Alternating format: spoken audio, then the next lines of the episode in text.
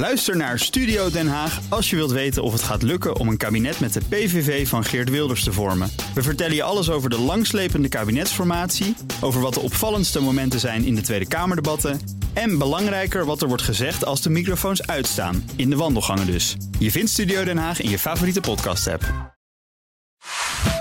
BNR Nieuwsradio. Boekenstein en de Wijk. Hugo Reitsma.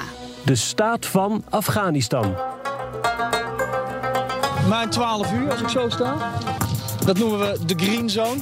Dat noorden zie je een bizarre status quo, maar die is onder controle van de Taliban. Het is een beetje een Eerste Wereldoorlogssetting. Maar op het moment dat we de rivier overgaan, dan duurt het 10 meter en dan heb je gevechtscontact.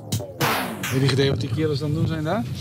Ja, eens even kijken. Die zijn de resten van uh, marihuana-planten aan het opschudden. Toch moeite mee. Oeruzkan, tien jaar geleden minister van Middelkoop van Defensie, inspecteert de troepen en de oogst bij Derawood. Nu overweegt het kabinet een nieuwe missie in Afghanistan. Wij kijken vooruit en terug met de oud-minister. Welkom bij Boekenstein en de Wijk, op zoek naar de nieuwe wereldorde. Met in de studio, voor al uw Eerste Wereldoorlog-achtige situaties, is hier Rob de Wijk. En nu volgt logischerwijs een opmerking over cannabis en Arend Jan. maar ja, dat... I sue you! Arend Jan Boekenstein, altijd relaxed. Onze gast, u hoorde hem al, Eimert van Middelkoop... minister van Defensie tijdens de Oeruzkan-missie. Welkom. Dat was tien jaar geleden. Dat was tien jaar geleden. Ik stond daar met u op die eindkijkpost te kijken naar de Taliban. Je kon er bijna naar zwaaien. Het was ergens eind december. Ik ging af en toe met de kerstdagen of met oud en nieuw... Uh, naar de mannen en vrouwen, gewoon overwegingen van solidariteit. Dat beeld dat herinner ik me heel goed, omdat die green zone die er prachtig uitzag, gevaarlijk was. Het werd ons ja. ook uitgelegd. Uh, en het pijnlijke is dat toen een paar weken later militairen er toch zijn ingegaan. En daar zijn een paar dingen goed fout gegaan. Ja, eigen vuur. Uh, uh, eigen vuur. Ja. vier sneuvelden er toen, twee Nederlanders, twee Afghanen. ja, dat onthoud je natuurlijk wel. Ja. Daarna is de Taliban verder teruggedrongen. Ja, nee, aan maar... het eind van de rit, voor, althans van mijn rit, van de Nederlandse uh, presentie daar, was Derenwood een gebied waar je redelijk veilig ja. naar binnen kon komen. Ja. Ja. Hoe het... Trouwens ook grotere gedeeltes van, van het land. Ja. Maar op dit moment kan je waarschijnlijk wel weer zwaaien naar de Taliban daar, want die zijn in grote delen van Oeruzkan en van het hele land weer openlijk actief. Ja, ik denk dat het verstandig is om daaraan toe te voegen dat de Taliban nauwelijks bestaat. Hm. Het zijn allemaal uh, lokale milities. Uh, vaak jongens die uh, ergens in een vallei wonen, zich vervelen en Klasnikov in de schuur hebben. En dan nou ja, zich laten meeslepen, maar een tijdje dan weer terug. soms hoor je geruchten dat dan daar in Koude Hoofdstad weer nou ja, bezet zou zijn. Dat, denk ik, dat, is, dat is taal uit een ander type militair conflict. Een oorlogsgebied, zou ik maar zeggen. Uh, en dan is het weer weg. Maar het is duidelijk dat de Afghaanse autoriteiten... en ook de militaire autoriteiten en de politieautoriteiten... geen, geen goede controle hebben op het land. Ja, ja. Rob, ik, ik, ik, zag je ook knikken bij dus die van... Ja, er is niet echt één Taliban. Hoe, hoe, hoe zie jij die uh, club? Nou, je kunt al niet eens meer spreken van de Taliban als enige dreiging. IS is er namelijk ook. Ja. Die hebben daar de provincie uitgeroepen. En uh, ze zijn daar behoorlijk actief vanaf uh, 2015. Uh, realiseer je dat in 2017 een van de eerste oorlogstaten zeg maar, van president Trump... was het gooien van een gigantische bom ja. op een doel in Afghanistan. Dat was niet voor de Taliban, maar dat was voor IS. En je ziet dus nu dat door dat... IS in uh, het Midden-Oosten onder druk staat, uh, ze onder andere naar Afghanistan gaan. Dus dat, dat betekent toch wel, dat, is, ja, dat levert wel een hele vervelende situatie op hoor. Daardoor krijg je de boel minder goed nog onder controle. En het aardige is dat IS en Taliban ook weer met elkaar gaan knokken. Oh, ja, gelukkig ja. maar. Ja. ja. Nou dat, dat, is een goed idee. Ja, dat is inderdaad wel een voordeel. Ja. Overigens zijn de Amerikanen dus heel erg bezig met IS. Hè. Daar maken ze ook wel wat vorderingen, las ik in een rapport. Maar dat is een groot probleem. IS zit echt in Afghanistan. En wat ook belangrijk is, dat Iran en Rusland die steunen. Wordt, zijn de grote geruchten met wapens. Wordt gezegd, dat hebben de Amerikanen geloof ik gezegd. Hè? Ja. ja. En dat zou me niet verbazen dat dat gebeurt. Hè. Afghanistan is altijd een gebied geweest waar allemaal proxyoorlogen worden uitgevoerd. Hè. Het is ook heel treurig. Hè. De Pashtun die krijgen vaak steun van Pakistan en van Saoedi-Arabië. En de Hazari, dat zijn Shia, die worden gesteund door Iran. Dus het is, het is ongelooflijk moeilijk om in dat land een soort eenheid te krijgen. Want dat is het eigenlijk nooit geweest. Hè? Is, is dat geloofwaardig dat de, dat de Russen nu weer de Taliban zou. Het zou wel een soort gerechtigheid zijn, omdat de Amerikanen eerst de Mujahideen tegen uh, ja. de Russen steunden. Maar, ja, maar is kijk, dat... zei terecht net van. Uh, Maar de Taliban bestaat niet. Hè, er zijn verschillende, Milities. eh, ja, verschillende milities, maar ook verschillende stromingen binnen de Taliban. Eh, heel machtig was de Quetta Shura, die zat in, eh, in eh, Pakistan. Eh, maar die, wordt nu, die heeft nu ook weer concurrentie. Ik bedoel, het is veel ingewikkelder dan je, dan je denkt. Dus nee, ik denk dat de Russen af en toe wel partij gaan kiezen of iets laten lopen waar ze eigenlijk wat aan zouden kunnen doen, maar dat niet willen. Maar aan de andere kant moet je realiseren dat de Russen ook niet op de grond aanwezig zijn. Dus feitelijk zijn het die milities die toch redelijk vrij spel eh, hebben op dit ogenblik. Pakweg 40, 50 procent van het land is eh, in, onder controle van dat soort milities op dit ogenblik. Dit, dit, dit, dit eh, gerucht, eh, dat, dat ken ik niet. Als ik er nu even over nadenk, dan kan ik me eigenlijk maar goed met één argument voorstellen. Dat is om ISIS te bestrijden. En niet zozeer uit sympathie voor de Taliban. Of stel je voor dat de Taliban zich ineens laten assisteren door, door de Russen, waar ze vroeger ook veel last van hebben gehad. Maar het interessante is natuurlijk wel dat we hebben een heleboel dingen geleerd, eh, ook als Nederland, maar ook als NAVO. De Taliban is echt een, een lokale groepering of een Afghaanse groepering en niet meer dan dat. Heeft geen pretenties eh, wereldwijd en ISIS wel. ja. Ehm, en dat maakt denk ik ook voor ons belangrijk om de Afghaanse regering eh, te steunen. Als ze bijvoorbeeld in overleg gaan met de Taliban. Want de echte vijand op dit moment is niet meer de Taliban. Dat hebben we natuurlijk wel van tien jaar geleden een beetje meegekregen. Maar het is veel meer ISIS. en dat betekent ook bijvoorbeeld, voor de Nederlandse regering... als de vraag komt in het verlengde van Trumps aanbod... om ook wat te doen... eh, dat een eventueel nieuwe operatie ehm, een andere is dan die in het verleden. Ook om tal van redenen. Maar meer vergeleken kan worden met... eh, de, de luchtsteun die we hebben gegeven in eh, Irak de afgelopen jaren. Waarom we in Mali zitten. Omdat daar vecht je dus tegen de, de wereldwijde ISIS of Al-Qaeda eh, en dat soort bewe- bewegingen. Ehm, en, en kom je al helemaal niet meer toe natuurlijk aan overwegingen van nation building en weet ik wat allemaal niet meer. Als we dat ooit al hebben eh, gehad. Eh, dus, dus we hebben wel een belang eh, om er te blijven. In die zin denk ik eh, dat Trump wel gelijk. Ben ik blij dat Trump na aanvankelijk gezegd hebben dat hij de weg wilde, maar toch wil blijven.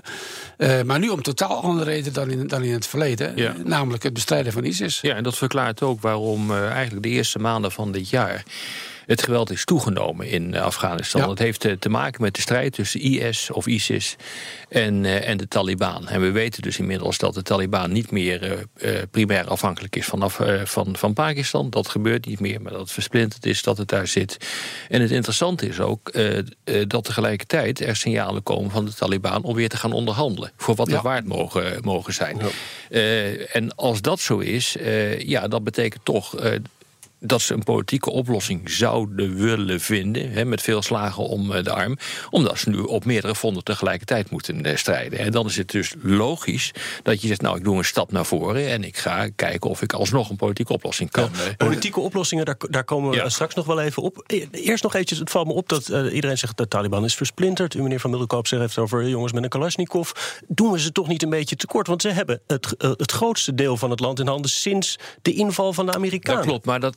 moet ook kijken waar ze zitten. Dus eh, qua percentage klopt dat absoluut. Maar in de grote stedelijke centra zitten ze niet. En eh, ik denk dat dat ook eh, de strategie is van bijvoorbeeld de Verenigde Staten. Zorgen ervoor dat je die stedelijke centra onder controle krijgt. Ja. Eh, en zorg ervoor dat de Taliban daar niet, niet zit. En probeer daar voor een zekere mate van rust te, te zorgen. Maar wat en platteland laat je dan even. Dat, we praten dus over ze zitten daar en daar wel en daar wel enzovoort. Maar wat, wat betekent dat? Dat betekent bij, in, in de meeste gevallen dat het lokaal bestuur ongeveer nul is. Ja. Dat er geen politie is, laat staan een, militair apparaat. Want dat is natuurlijk een van de grootste capaciteitsproblemen van Afghanistan. Dat ze geen goed bestuur hebben, geen goede politie hebben. Eh, dus de burgers die daar wonen, die zijn in zekere zin weerloos. Ja, dan kan die Taliban daar rustig binnenlopen. En wat, wat doen ze daar dan? Nou, misschien af en toe wat, wat hele ouderwetse sharia-maatregelen treffen. Ja. En dat is het wel zo ongeveer. En, en, en natuurlijk, en hoor. pro- natuurlijk profiteren van de papavers, want dat is natuurlijk een belangrijkste De inkomstenbron. opiumproductie is groter dan ooit tevoren. Ja, het is een Eh, de, de cijfers over eh, wat, hoe het nou precies in elkaar zit... worden nu door de Pentagon geheim gehouden. Dat is, dat is interessant. Daar las ik in de Wall Street Journal een heel stuk over. En de laatste cijfers zijn van de BBC. Hè? Dat de Taliban bedreigt 277 van de 399 districten. Ja. Dat is 70% van het land inmiddels. Hè? Maar je moet het ook weer relativeren. Hè? Want ik, eh, cijfers, cijfers. Hè? Eh, dit, is de, eh, dit is de Afghanistan-index van het Brookings Instituut. Dat is eigenlijk wel de beste databank die we hebben op dit, eh, dit ogenblik. Nou, de meest recente die zegt... waar maken de Afghanen zich druk om? Dan is het niet de Taliban. 9%, 6% van, van de Afghanen maakt zich druk om de Taliban. Nou, dat is het grootste probleem wat we hebben. De grootste problemen zijn onveiligheid in algemene zin, werkloosheid, de economie die stagneert en corruptie. Dat zijn de grootste problemen. De Taliban komt echt helemaal aan het eind. En dat is, dat is, of de, wat dat betreft is, is dat opmerkelijk. En dat ondersteunt ook wat Eimet van Middelkoop net, net zei. Ehm, die Taliban die kun je niet zien als een coherente gevechtsgroep die daardoor het hele uh, land aan het razen is. Het is een, een militair-politieke beweging die probeert iets voor elkaar te krijgen. Dat lukt de ene keer beter dan de andere keer. En in deze situatie uh, stuurt Nederland dan die nieuwe missie. 20 tot 30 uh, commando's en mariniers die daar Afghaanse special forces moeten gaan trainen uh, in het noorden van het land. Gaat dat dan veel uitmaken in deze situatie? Nou ja, dat hangt er vanaf wat je doelstellingen zijn. Als je denkt van nou, we gaan het hele land onder controle krijgen... we maken er een soort equivalent van Denemarken van... dat ga je dus niet lukken met dit soort uh, aantallen. Maar als je zegt van, ik heb hele specifieke doelstellingen... waarbij uh, we moeten proberen om bepaalde gebieden, bijvoorbeeld steden binnen uh, Afghanistan uh, Taliban vrij te houden of IS vrij te houden, om van daaruit te kunnen gaan stabiliseren, dan kan dat wel degelijk succes hebben. Ja, ik denk dat je ook in Nederlands, dat god in het verleden al, maar toen we hadden, waren we lead nation in Afghanistan, dus kon je ook behoorlijk lang uitsluitend naar Nederland kijken. Maar nu is het echt anders. De Nederlandse uh, presentie in Afghanistan de komende tijd moet je zien in het geheel van uh, NAVO of weet ik wat, van de Coalition of the Willing en dergelijke. En het primaire oogmerk daarvan is, onder leiding van de Amerikanen. Uh, om president Ghani om het Afghaanse politieke apparaat uh, te steunen. Uh, zodat de Taliban in elk geval niet in Kabul uh, de baas kan worden. En uh, de, de, Afghaanse president een goede overtuigende ruggensteun heeft voor het geval hij politiek overleg wil gaan voeren. En daar is sprake van, het kwam zo even ja. langs, met de Taliban. Kijk, als hij in een hele zwakke positie is. Uh, als hij geen steun krijgt van, uh, van, van de Amerikanen en van ons, ja, dan is, dat, is hij aan de onderhandelingstafel natuurlijk ook niet zoveel waard. Waarom doet Nederland eigenlijk mee? Er zijn extra militaire krachten nu nodig om die Taliban die daar verdeeld over is aan de onderhandelingstafel te krijgen. Het argument wat je noemde. Tweede, het is natuurlijk gewoon een bondgenootschappelijke plicht ook. Hè. We kunnen niet de Amerikanen dat allemaal alleen laten doen. Het derde is, ik vind dat we Afghanistan ook niet kunnen laten zitten na alles wat we gedaan hebben. En het derde is, IS zit er. En daar moeten we ook wat mee. Ja. Nou, wat wel zo is, en dat zei uh, Van Middelkoop ook in het begin.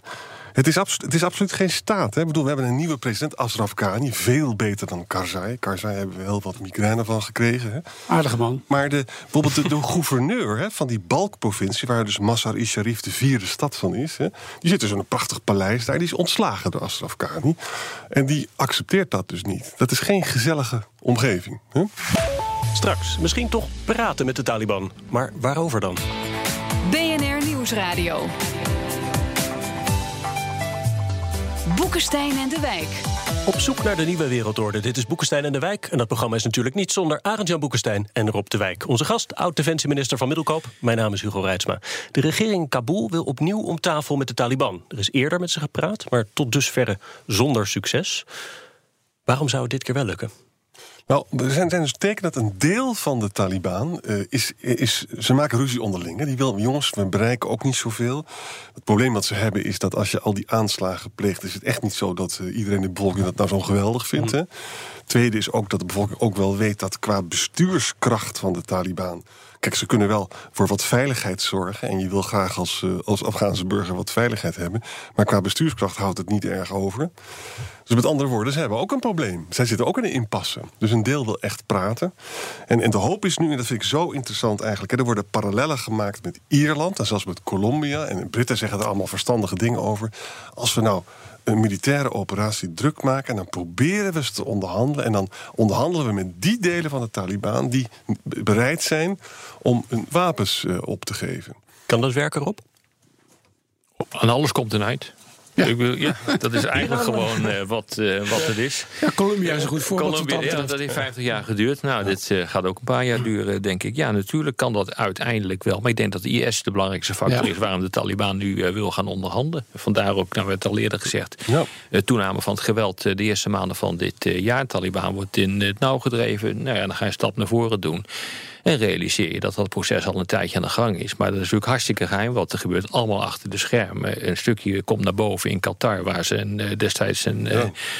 een, eh, een hoofdkwartiertje hebben gekregen... van waaruit de formele onderhandelingen zouden kunnen gaan starten. Het heeft nergens, nergens toe geleid. Maar eigenlijk op de achtergrond zijn er continu, continu besprekingen geweest. Echt continu de afgelopen eh, jaren. En eh, met meer en met minder succes. Maar misschien kan hij Ja. er dan wat over vertellen. Nou, ik, ben, ik, ik, ik behoorde bij de tegenpartij, eh, Rob. En niet bij de Taliban. Eh, maar goed, eh, je kan wel wat giswerk doen. Het eerste argument dat je zelf wil noemen, daar ben ik het mee eens. Dat is denk ik toch ISIS. Want dat heeft het scenario in Afghanistan vrij ingrijpend veranderd. Een tweede argument eh, is het denk ik ook eh, dat ze wel begrepen hebben dat ze never en nooit meer in de positie terecht zullen komen van, van, van 15, 20 jaar geleden, toen ze de baas waren in, eh, in Afghanistan. Omdat de rest van de wereld dat niet zal toelaten. Dus ze kunnen wel grote delen van het platteland eh, beheersen op de een of andere manier. Maar dat is het dan ook wel. Dus strategische doelen zijn wat dat wel beperkt. En misschien een raar, het derde argument is, ze zijn ook een vijand kwijt. En dat waren wij. Ja.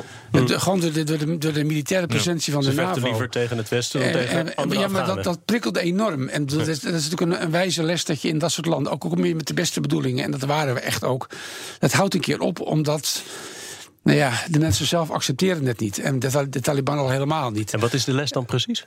Er niet te lang blijven. de- dat, nou ja, het zijn een hele, heleboel, eh, heleboel lessen. Eh, ik heb me altijd verzet in de tijd dat ik verantwoordelijk was als minister tegen het argument van: kijk eens, eh, de Engelsen zijn er in de 19e eeuw een paar keer vreselijk weggejaagd. De Russen zijn daar natuurlijk eh, weggejaagd in de vorige eeuw. Ja, met alle respect, wij, wij, zijn, wij waren daar niet als bezetter. Dus ik vind op dat punt dat de vergelijking niet valide was. Aan de andere kant, er zit wel een gemeenschappelijke noemer in. Dat is dat ook al met met de beste bedoelingen en natuurlijk met een hoop geld en met een hoop militaire power, dat, wat ze zelf niet hebben bij alle volken in de wereld, en zeker bij zo'n volk, is het een kwestie van zelfrespect. Dat ze op een gegeven moment zeggen van, en nou gaan we weer naar huis. We doen het toch liever zelf. Eh, dat, dat, is wel een les. Dus, ah, dus de doeleinden die je kan verwezenlijken, daar zijn buitengewoon beperkt. Maar goed, dat is ook een beetje een evaluatie van, eh, van, eh, van onze operatie van destijds. is, er is best wel wat bereikt in Afghanistan. Hè. Als je kijkt naar de opbouw van het veiligheidsapparaat vlak na 11 september 2001, eigenlijk de aanleiding van die hele interventie in Ja. Afghanistan, had je totaal 6000 veiligheidstroepen. Nu zijn het er, even kijken, 3000. drie, eh, eh, 300.000, eh, meer dan 300.000. Hè, En, eh, Ja, hè? Papier, hè? Ja, Ja. op papier. Maar ja, het zijn, ze zijn er wel en die moeten nu getraind worden. Dat is een van de redenen waarom al die trainers daar continu zijn. Want ook de Amerikanen zitten daar niet primair om te vechten, maar om dit soort mensen op te leiden. Maar in ieder geval op papier zijn ze er. Op papier waren ze er gewoon 15 jaar geleden niet. Hè? En eh, dus als je naar een hele hoop van dit soort eh, eh, cijfers kijkt, dan zit daar een zekere mate van, eh, van progressie in. En tegelijkertijd zie je dat de bevolking niet het gevoel heeft dat het veel beter gaat. Ja, dat, ja, ja. zit een rare discrepantie zit Je had erin. heel mooi cijfers, cijfermateriaal van het Brookings Instituut. Ik weet niet of daar ook cijfers zitten over de Afghaanse burger. Want Ja. ik heb wel de indruk dat die Afghaanse burger enigszins is aangeraakt door de moderniteit. Een aantal dingen niet meer accepteert die ze vroeger nog wel Ja, zouden exact. accepteren. Bijvoorbeeld een sh- sharia-cultuur en dergelijke. Dat men het niet meer zal accepteren. En de Taliban weet dat natuurlijk. Dat eh, scholen voor meisjes en dergelijke gesloten worden enzovoort enzovoort. Dus dat maakt ze in zekere zin weerbaarder. Komt blijkt uit die cijfers? Ja, maar dat is een ontzettend goed punt wat je daar maakt. Want eh, wat blijkt uit de cijfers is dat er een toename is van de ontevredenheid onder de Afghaanse bevolking. Die was in 2006 44 procent, zagen de mensen het niet, eh, niet zitten. Eh, sorry, 21 procent zag het niet zitten. Ja. En nu is dat 66 procent. Dan ja. denk je, dat gaat slechter met het land. Maar dat is niet zo. Het is precies wat jij zegt. Het gaat beter met het land. En dus accepteren mensen niet meer dat scholen door de Taliban worden eh, gesloten. Dus accepteren ze niet meer dat er te veel corruptie is of dat er te veel eh, geweld is. Eh, dus je moet die cijfers inderdaad precies lezen zoals jij ze zegt. En dat betekent eigenlijk dus dat de Taliban een beetje een achtelijke eh, criminele groepering aan het worden is. Wat het natuurlijk in zekere zin altijd al was. Maar met een, maar met een ideaal wat steeds meer gedateerd eh, is. Exact, ja. Zeer reactionair. Exact. Het terugverlangen naar een soort Afghanistan. wat er misschien zelf nooit geweest is. Maar goed, wel in de tijd dat ze de baas waren. Van een zeer orthodox eh islamtype. En eh, dat zet ze een beetje op de tweede plaats eh, tegenover de Afghaanse burger. En dit dat verklaart is ook wat we eerder hebben gezegd. 6% van de bevolking steunt de, eh, of vindt de, de Taliban nog steeds het Ja. grootste probleem. En dat is raar. Want dat was eerst was dat percentage oneindig veel hoger. Maar ik denk wel, jongens, dat er een groot verschil is tussen Kabul en diep in de provincie. Hè? Als je diep in de provincie bent, ik ben er zelf drie keer geweest. Als je ziet wel, wel mensen wat voor, wat voor normen en waarden en wat voor opvattingen ze hebben. Dat is toch echt iets anders dan... eh, Het zijn geen VVD'ers. eh, nee, dat zijn En zeker niet van het optimistisch type als eigenlijk. Sorry, niet van de Westen. En als, je met, en als je met de Taliban zou gaan onderhandelen... Ashraf Ghani heeft gezegd, ik wil dat jullie een politieke partij worden... en zonder voorwaarden. Nou, die zullen ongetwijfeld de sharia, de, die grondwet in willen fietsen. Ja, ik, ik, ik las in, in Foreign Affairs een, een, een, een aardig artikel over McChrystal, was vroeger ISAF-commandant. Die die heb ik ook ontmoet in Kabul. Ja. Ehm, die ehm, stelde voor, ik vond het een beetje curieus, om een, VN, eh, nee, een resolutie van de Veiligheidsraad te bevorderen. waarin de Taliban als een terroristische organisatie wordt aangemerkt. In andere analyses, want dat is nog nooit gebeurd. En, en het argument is, dan wordt het moeilijker voor de gol- golfstaten om, Ja. om te financieren. Eh, aan de andere kant, dat is een heel ander verhaal. Als ehm, eh, de Af- Afghaanse kant, als Ghani de president wil onderhandelen met de Taliban. Dan heeft hij er een belang bij dat de mensen, er staan wel wat personen op een lijst, dat die niet meer op een lijst komen te staan. Want anders kan je er slecht mee onderhandelen. Dus, dus dat probleem moet wel een keer worden opgelost. Ik heb, het is een beetje raar, maar dan heb ik iets meer sympathie nog voor die Afghani-positie. Dan voor die van voor, eh, McChrystal. Ik denk niet dat het vruchtbaar is om de Taliban als een terroristische organisatie aan te merken. Ik bedoel, dat is het natuurlijk wel. Eh, maar dat het beter is om de president te steunen, Ghani te steunen, om ze, die Taliban in een proces van normalisering eh, te brengen. Ja, en marginaliseren En dan, niet, moet het voor de VN ook weer niet zo'n groot gebaar zijn om die mensen. Bijvoorbeeld Omar Mullah, hè, die is inmiddels overleden, maar die stond, ik weet al in mijn tijd, stond op een lijst. Ja, om die reden kon je er moeilijk mee praten. Ja. Ja. En de, ik- de sto- standpunt van het kabinet waar ik van de- deel uitmaakte, maar goed, ge- vertegenwoordigd door de minister van Buitenlandse Zaken, was: je praat niet met terroristen. Nou ja, het was mij, niet mijn eerste verantwoordelijkheid, maar, maar ik dacht altijd: als die terroristen willen praten, dan willen wij ook wel. Eh, en daar is nu kennelijk enigszins sprake van. Ja. En daar zou ik een voorstander van zijn. We praten met iedereen. Maar hoe gaat, het, hoe gaat het dan eigenlijk met die regering in Kabul? Want als je die cijfers inderdaad hoort van de belangrijkste zorgen over corruptie, over de economie, dan hebben ze dus eigenlijk meer te klagen over de regering in Kabul dan over de Taliban. Ja. Ik weet dat de Europese Unie eh, doet daar heel veel, geeft er in elk geval heel veel geld uit. Goed bestuur te promoten, Amerika economisch dingen op te zetten. Amerika En Trump wil ongetwijfeld 2 ook. miljard daar weghalen. Weet je wel, dat soort grappenmakerij gebeurt. Ja, maar ik, ik, ik, ik- Maar dat, dat werkt dus niet heel erg het goed. land heeft op een of andere manier zo'n gigantische weerstand tegen innovatie, tegen modernisering. Door wat er niet al miljarden ingepompt is, ook vooral door de Amerikanen. Op de een of andere manier rendeert dat heel slecht. Het, enige wat is, het enige wat belangrijk is, en dat heeft Rob Zweven nog eens een keer goed onderbouwd, dat is dat die bevolking zelf ergens in de sfeer van de modernise- modernisering is eh, geraakt. En dus ook steeds meer ontevreden wordt. Want een modern mens die verder niet wordt bediend, die geen werk kan krijgen enzovoort, enzovoort, geen inkomen heeft, ja, die wordt ontevreden. En dat is de revolution Maar, of maar rising maar wij zijn allemaal in Afghanistan geweest, zoals we hier staan. Ja. En we hebben er allemaal overheen gevlogen. Nou, als je naar beneden zit te kijken, of als je door dat land eh, reist, dan denk je, nou, hoeveel miljard je hier ook inpompt, je hebt nog wel even te gaan. En wat wij toch iedere keer hier, met name in Nederland, denken, is dat eh, A, de veiligheidssituatie er een is die vergelijkbaar is met, eh, laten we zeggen, Den Haag op oudejaarsavond. Dus eh, daar, daar hebben we nou niet echt een beeld van wat daar, wat, wat daar nou precies gebeurt. Maar je hebt ook geen idee hoe onwaarschijnlijk dat land achterloopt in zijn ontwikkeling. En Ja. wat daar gedaan moet worden. En dat ook al stop je er nog 100 miljard in. Ja, dat dat nog alleen maar een eerste aanzet is om dat land omhoog te krijgen. En dit kost dus gewoon decennia en decennia voordat je hier wat van gemaakt hebt. Economisch, maar ook voordat je zo'n land toch ook, eh, laten we zeggen, qua mindset het op Maar dat is onze taak ook niet. En En dat moeten we onszelf ook niet aanpraten. Exact. eh, Nee. Je krijgt alleen maar schuldgevoelens van. En dat is niet, eh, niet vruchtbaar. ja, het behoort tot een van de armste landen ter wereld.